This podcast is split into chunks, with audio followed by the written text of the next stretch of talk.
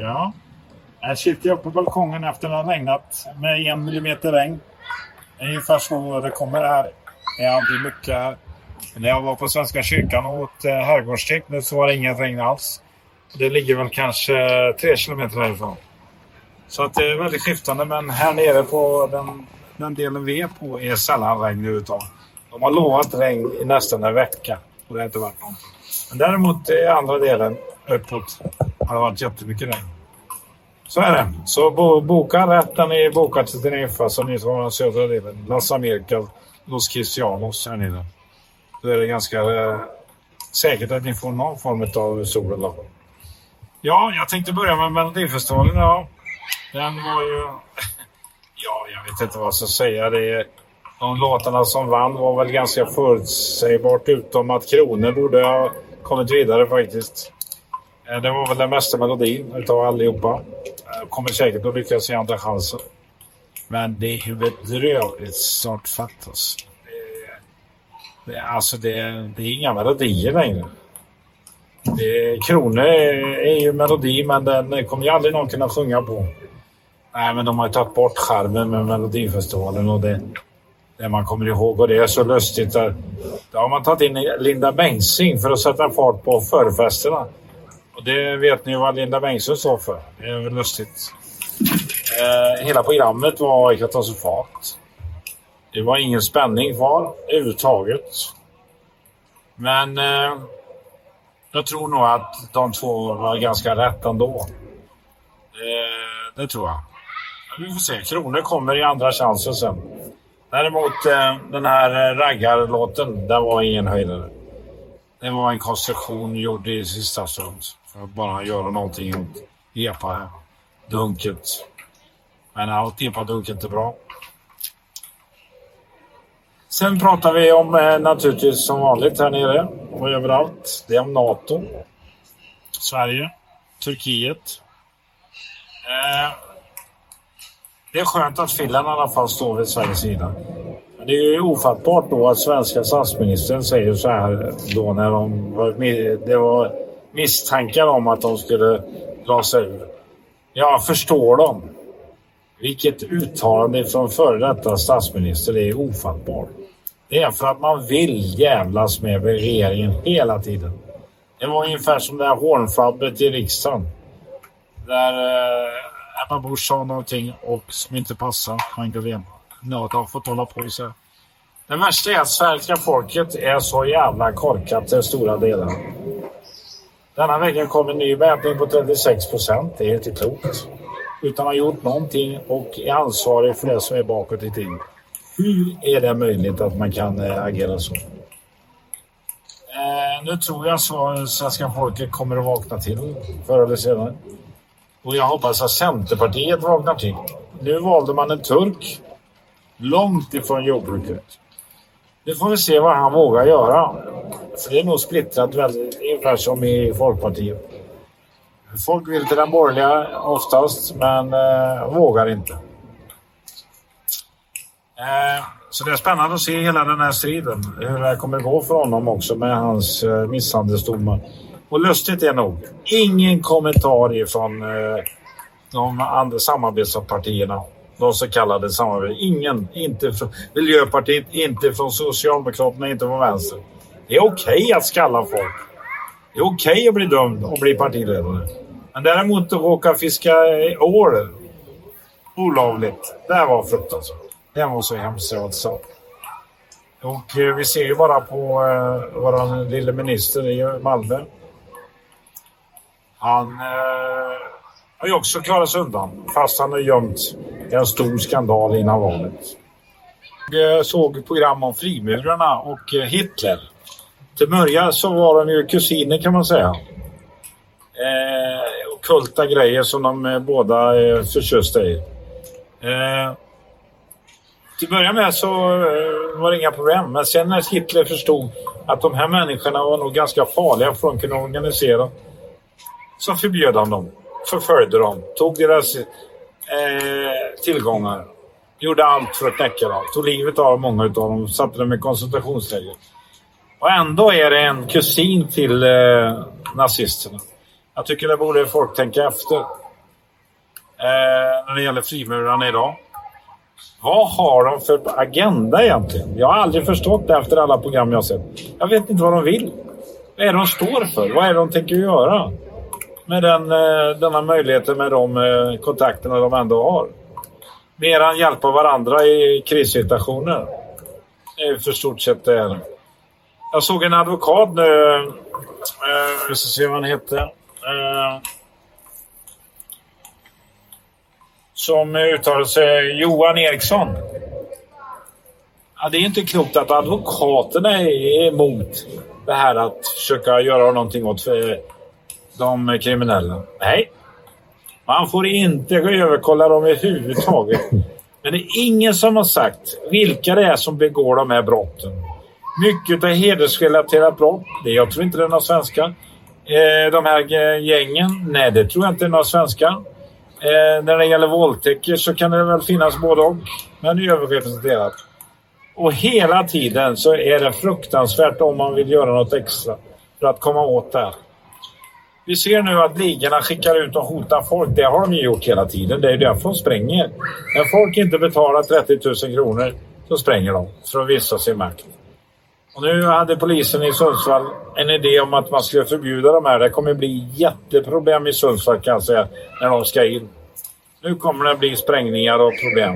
Kanske skjutningar på krogarna också.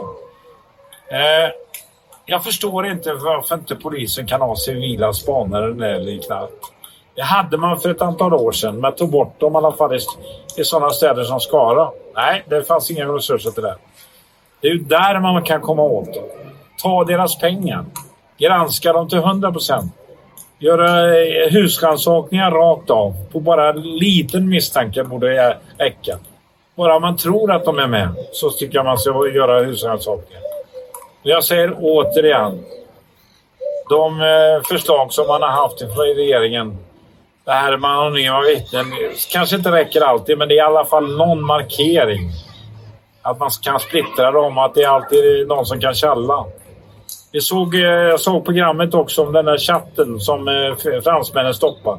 Som var lösningen på allting egentligen. Där man kom åt de kriminella. De gjorde en enorm insats, fransmännen. Till att klara den här grejen. Så hjälp av sådana som har varit halvkriminella innan. Som var duktiga på det här. Och eh, knäckte helt enkelt möjligheterna att komma åt dem. Och det är ju det som har räddat svensk polis till mycket. Mycket av de eh, ingripanden man har gjort från svensk polis kommer ifrån den här chatten, Encrochat. Eh, jämfört med den eh, insats man gjorde under andra världskriget när man, eh, där man löste koden som tyskarna hade och ändrade hela världsbilden. Ja, det var väl ett avsnitt. Ja, SD kom ju med förslag nu och det har GV GW haft länge att man måste byta ut rikspolischefen och inte bara han utan flera stycken i ledningen. De har inte klarat av det. Det började ju med Dan Eliasson men han fick ju gå åtminstone. Men det räcker inte. Den här nya som har kommit in är, har inte klarat det här helt enkelt. Då måste man göra en förändring precis som HV gjorde i ishockey. De började vinna plötsligt två matcher i rad när de hade sparkat ansvarig. Det är så att man måste förändra på något sätt. Och det måste man göra inom polisen också, för det fungerar inte som det är nu. Eh, vi ska se vad det är mer som jag har... Eh, eh, vi såg ett exempel på hur de kriminella ligorna även kan bestämma över politiska partier. I Botkyrka kom eh, en socialdemokratisk eh, ordförande fram till att man skulle göra vissa förändringar. Och direkt så gick de in i sossarnas parti och röstade bort den här personen. Nu hoppas jag verkligen inte att man går med på detta, att det kan gå till på det sättet, men så har man gjort.